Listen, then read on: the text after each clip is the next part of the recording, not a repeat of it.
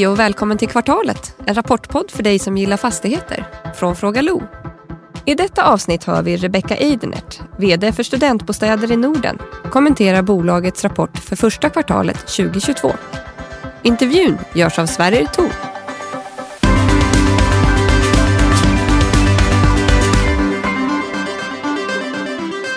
Hej Rebecka och välkommen tillbaka till podden. Hej Sverige, tack. Hur är läget? Det är bra. Kort och koncist. Ja, precis. äh, men det är lite svårt eh, i de här tiderna. Med mig själv och bolaget är det bra, men i världen så Världen är det ju inte värre. Nej. Är du nöjd med rapporten? Jag är nöjd med rapporten, absolut. Mm. Men vi gör det vi ska. Mm. Härligt, jag tycker den ser väldigt bra ut. Jag ska, vi kanske ska släppa Niklas och få höra vad han tycker också. Absolut. Ja, då var det dags för snabbanalysen av studentbostäder i Norden. Och studentbostäder fortsätter att leverera en stark tillväxt i driftsnetto. Jämfört med föregående år så är även förvaltningsresultatet riktigt starkt och femdubblas faktiskt. Det är i och för sig drivet av en lite lättare jämförelse. Intjäningskapaciteten revideras ner med ungefär 9% jämfört med fjärde kvartalet och det här är helt drivet av eh, högre räntekostnader. Men delar man då intjänstkapaciteten inklusive förvärv med förvaltningsresultatet som bolaget rapporterar senaste kvartalet så indikerar det en fortsatt cirka 20 i uppgång av förvaltningsresultatet allt annat lika. Så att momentum i underliggande intjäningen är fortsatt eh, riktigt starkt och kompenserar ju till viss del det stigande ränteläget. När det gäller värdedrivarna så är ju omvärderingen cirka 1,8 procent i kvartalet och det här är bättre än bolagen som rapporterat. Här är det viktigt att lyfta fram att eh, studentbostäder hade ganska lite omvärdering i sitt resultat 2021, betydligt lägre än sektorn. Det här bedömer jag ger en kudde kopplat åt till värderingarna. Substansvärdet som är en kombination av omvärderingar, kassaflöde och finansiella hävstång visar på starka 6% upp sedan årsskiftet. Och det är faktiskt lite bättre än sektorn som än så länge verkar vara upp med ungefär 5 Händelser efter kvartalets utgång och värt att nämna är att bolaget har, har gjort en riktad emission om 5 miljoner aktier till en teknisk kurs om 10 kronor till Sveabank. Det här kommer stärka bolaget finansiellt och sänka belåningsgraden och det sker också till över 20 procents eh, premie mot eh, dagens börskurs. Dock så är emissionen något utspädande på substansvärdet per aktie.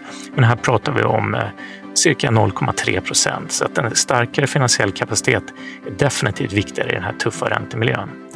Börsen har handlat ner bolaget i linje med sektorn och värderar bolaget till cirka 20 procents rabatt i samband med rapporten. Och det här är ju lägre än sektorns 20 procents rabatt som vi har landat på efter korrigeringarna och en ordentlig eh, kontraktion från de 10 procentiga rabatten som, eh, som aktien handlades i när vi analyserade bolaget efter Q4. Utmaningen som börsen eh, tar fasta på då, det ligger ju i stigande byggkostnader men också att få kompensation för inflation givet reglerade hyror även på studentsidan och som klart för att kunna kompensera för den stigande räntan. Drivarna framåt är ju tillväxt genom projektportföljen och här har man ju drygt 4 400 lägenheter i sin pipeline och av dem är cirka 2 400 påbörjade, vilket tillsammans med förvärvsdriven tillväxt i kassaflödet underbygger bolagets mål om tillväxt i både substansvärde och förvaltningsresultat om cirka 20 procent per år. Och det är ju något som börsen kommer uppskatta när de lär känna bolaget bättre och vi får en stabilisering av de negativa makrofaktorerna som i dagsläget sänker alla fastighetsbolag. Tack för det Niklas. Som sagt, jag tycker den ser, ser bra ut. Det är liksom många siffror som, som verkligen ser mycket bättre ut nu än, än vad de har gjort på de tidigare kvartalen vi har pratat. Mm. Eh, men det känns som att ni börjar få leverans. Ja men precis. Nej men alltså det är ju så, vi är ju ett ungt bolag. Vi startade 2018 eh, och eh, det, när man håller på med fastigheter så, så tar det år. så är det. Eh, och eh, många bolag som vi jämförs med de eh, har ju mer än fem till sju år eh, eh, så, som de har varit igång mer än oss. Så att, och nu, nu har vi projektportföljen som har börjat rulla igång precis så som vi vill. Och det kommer ju liksom leverera i varje kvartal och det är jätteviktigt för oss. Mm. Vilka bolag är det ni jämförs med? Självklart så är det ju mycket K2A eh, som har studentbostäder och också är liksom relativt ungt bolag. Sen, eh, ja, eh, jag, jag tror att vi kan jämföras ganska mycket med många utav bostadsbolagen. Eh, det, det är väl i den sektorn vi hamnar ändå. Okej. okej. Mm. Om, om man bara liksom tittar på siffrorna så är det ju framförallt så tyckte jag överskottsgraden Mm. ser ju väldigt bra ut. Den, Mm. den eh, ökar ni ju med, med 7 procentenheter till, till 60 procent. Ja. Ja, Jag vet att det har varit en snäll vinter i de flesta delar av landet. Är, är det anledningen eller var det något, något annat? Ja, Jag vet inte om man kan säga att det har varit en snäll vinter med tanke på hur elpriserna har sett ut. Men, nej, men det här är ju ett kontinuerligt arbete som vi har jobbat jättehårt med. Det handlar ju om att liksom våran förvaltning levererar precis så som den ska göra. Vi har egen personal på plats som vet vad, vad de ska göra och när. Mm. Eh, men också den digitalisering som, som vi har jobbat väldigt hårt på ända sedan start. Eh, och det bidrar ju. Sen så, så får man ju komma ihåg att studentbostäder, eh, där har vi ju en säsongsvariation tack vare att vi har 10 månaders hyror. Så att det är klart att, att eh, eh, kvartal ett, eh, det är ju ett starkt kvartal tack vare att mm, vi har inga fri, fria månader om man säger så. Men nu är ju jämförelsesiffran är ju jämfört med kvartal ett i fjol va? Ja, precis. precis det är det ju. Det är lite som vi har pratat om tidigare. Alltså vi, vi har ju levererat eh, de här projekten som fanns tidigare i Malmö, Stockholm eh, som är fullt uthyrda nu. Det är klart att det gör sitt. Eh, vi har också jobbat väldigt mycket med eh, energin där. När vi tog över dem så, så var det ju pelletspannor för hela områden. Där har vi tagit in fjärrvärme. Eh, så så det, det har ju funnits mycket att jobba med. Okej. Mm. okej. Du nämner elpriserna. Mm. Eh, ni har ju, studenter lär väl inte ha, ha egna elavtal utan det är ni som har. Nej men precis, det där slår ju hårdare än oss, på oss om man säger det, än de vanliga hyresrätterna tack vare att många gånger så ingår också eh, alltså hushållselen i hyran eh, för, för våra studenter. Då. Eh, men det här kommer också förändras med nyproduktionsportföljen för, för tack vare liksom det hållbarhetsarbete som man gör eh, så är det också så att i nyproduktionen så blir det ju IMD. Så att där betalar ju varje hyresgäst för den elförbrukning som den använder. Och det tycker vi är, är jätteviktigt så att man uppmärksammar på hur mycket el gör just jag av med. Eh, och det här har vi också tagit in i den appen eh, som vi lanserade här vid årsskiftet så att eh, hyresgästerna kommer kunna se liksom, eh, sin dagliga förbrukning, kommer kunna jämföra det med andra i huset, andra i området och även i olika städer.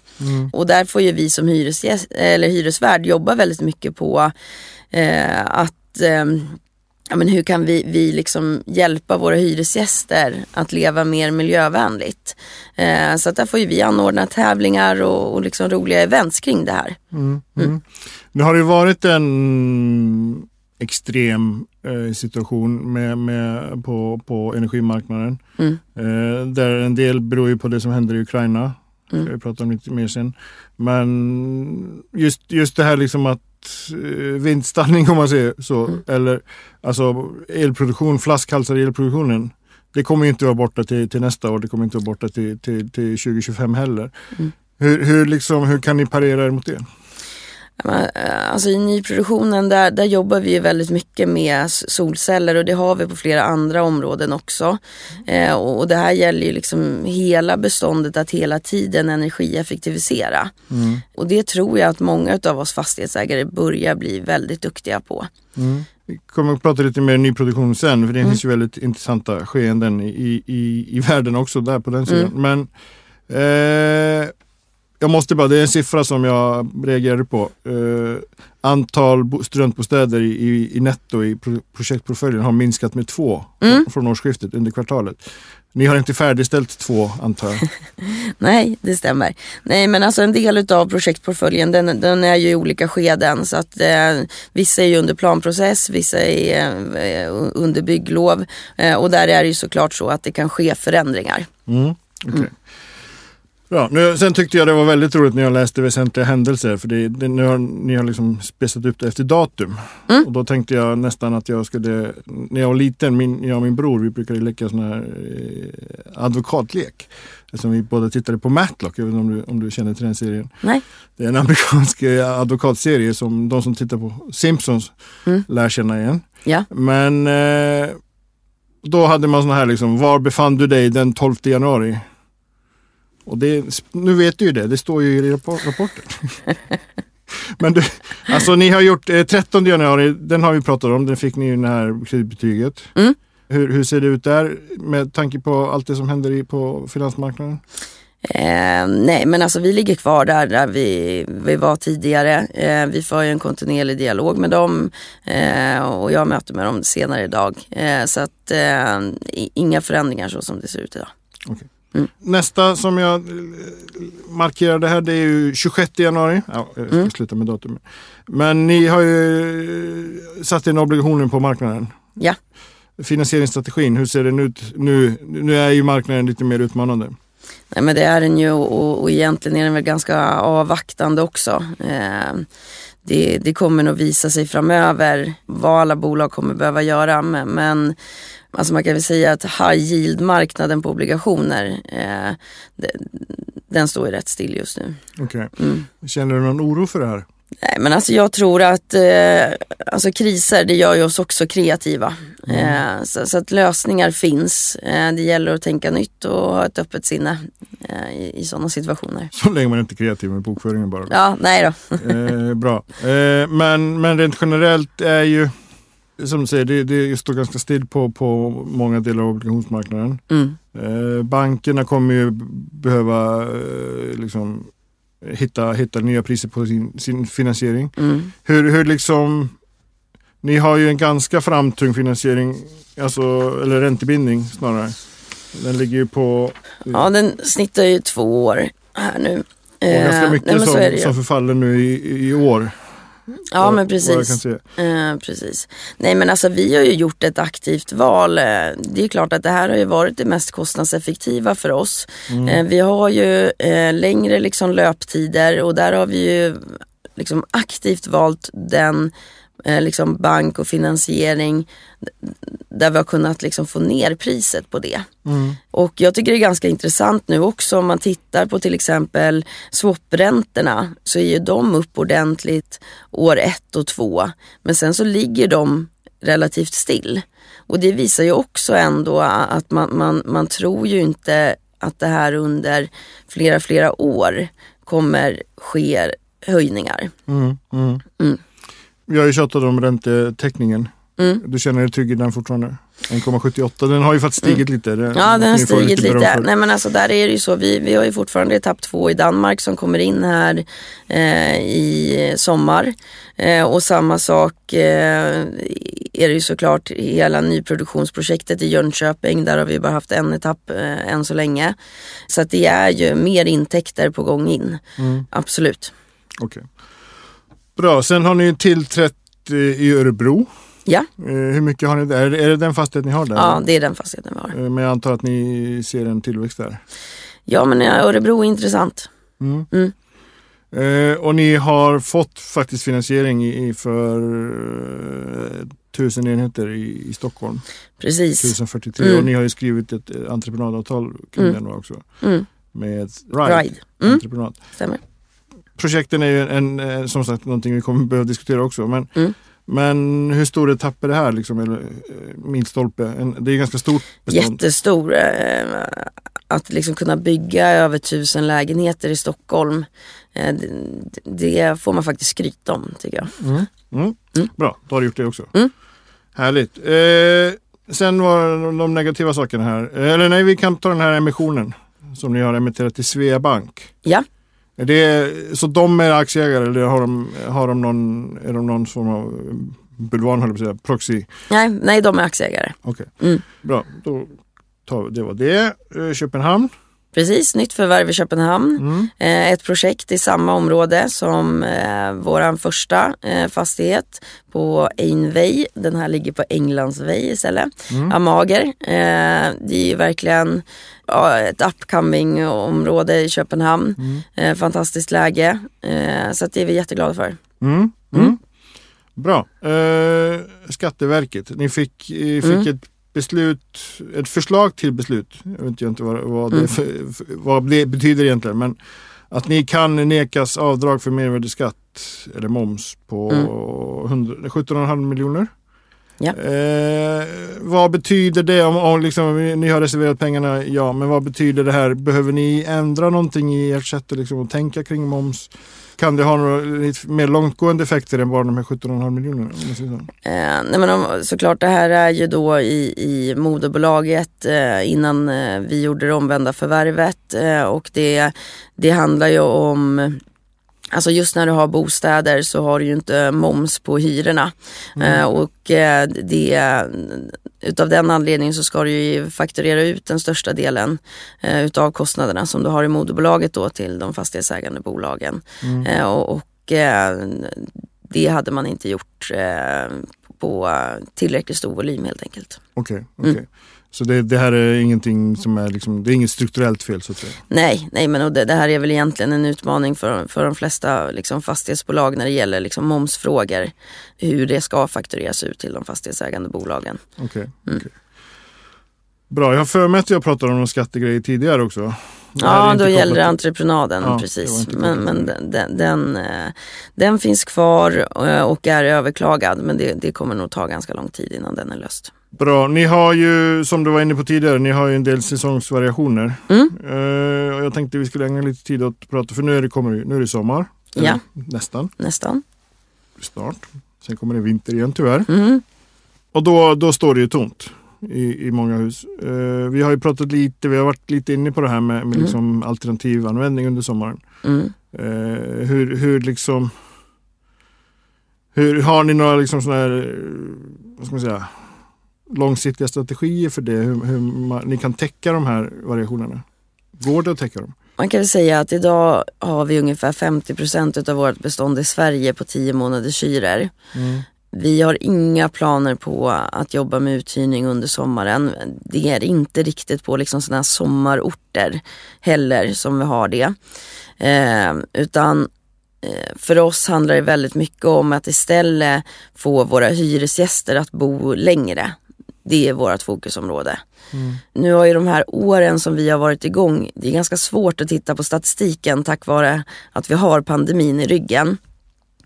Men jämför vi förra året mot i år så har vi ju mindre vakanser under eh, den här perioden. Och vi har också tittat på hur mycket uppsägningar som vi har, har fått in här liksom framöver. Och det är en betydligt mindre omflytt. Ehm, och, och självklart är det så att Bor man i en lägenhet med 10 månaders hyra så har man ju hyresfritt under sommaren. Så att ditt kontrakt är ju gällande även under sommaren. Så, så att de enda som vi skulle ha möjlighet att hyra ut är ju sådana lägenheter som är uppsagda egentligen. Okej, okej. Mm. och det kanske inte, inte är värt mödan. Nej men sen börjar vi se också, det, så det hände någonting för två veckor sedan här. Vi, vi följer ju väldigt mycket sådana här Facebookgrupper och, där folk söker bostad. Eh, och det börjar sökas redan nu till hösten. Och det tycker jag är tidigare än, vad jag sett förr. Okej, Mm. okej. Har du någon förklaring? Ja men kanske att de börjar bli lite mer upp på tå och också att man, nu, nu vill man tillbaka. Bra, och det kommer ju bli tryck i höst då, antar jag. Absolut. Bra. Nu tänkte jag att vi ska ägna resten av podden åt och projektverksamheten. Mm. För det, den är ju omfattande. Ja. Ni, ni har som sagt skrivit på, skrivit, signat några entreprenadavtal. Men det är ju, den marknaden är ju, känns ju väldigt tuff just nu. Mm. Eh, Du nämner i vd-ordet att, att eh, ni har en, en trygghet i att liksom, ni har entreprenadavtalen. Men om man, om man tar det liksom till sin spets och, och om inte entreprenörerna kan leverera, Mm. då, då är ju tryggheten inte så mycket värd, eller? Eh, nej men alltså det man får tänka på då det är ju ändå att vi har ju färdigställande försäkringar för alla projekt som är igång. Eh, så att det är ju klart att skulle det vara så eh, att en entreprenör eh, går i konkurs och inte kan slutföra. Eh, då har vi ju försäkringen som, som täcker då att ta in en ny entreprenör och också de merkostnader som, som det bidrar till. Då. Okej. Mm. okej. För det är ju väldigt, verkar ju- alltså dels så är det ju brist på material. Mm. Eh, Det är det material som finns har blivit dyrare och det hade Mm. det blivit innan det började bli materialbrist.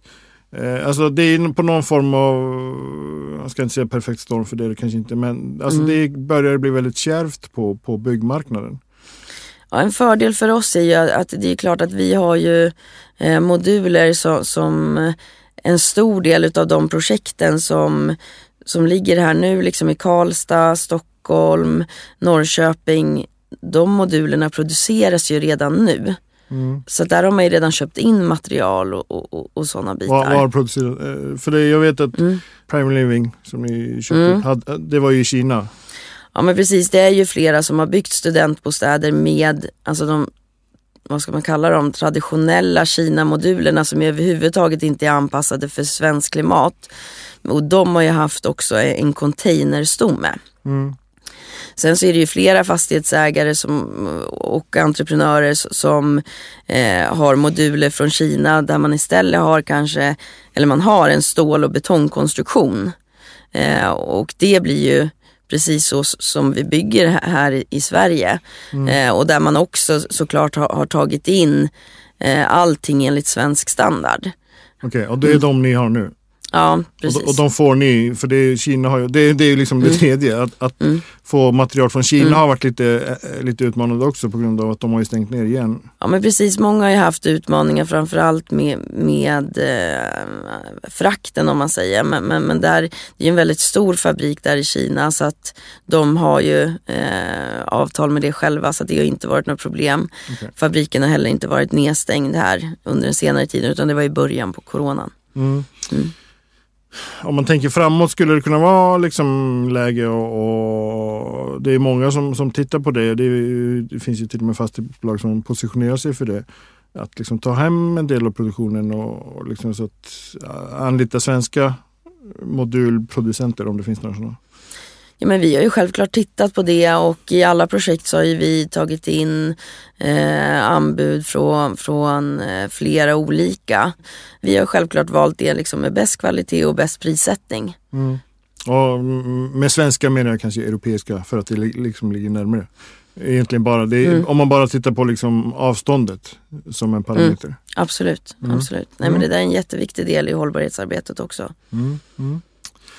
Bra. Eh, det är dags att börja runda av.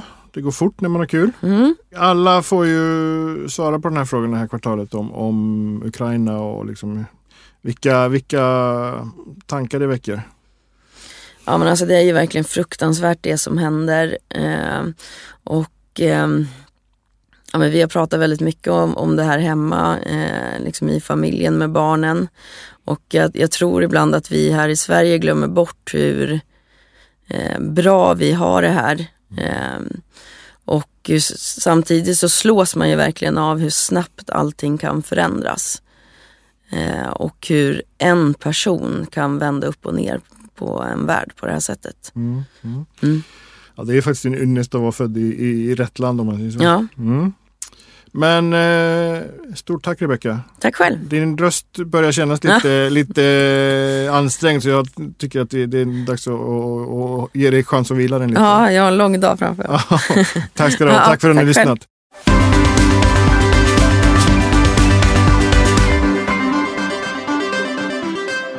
Det här programmet görs på Beppo.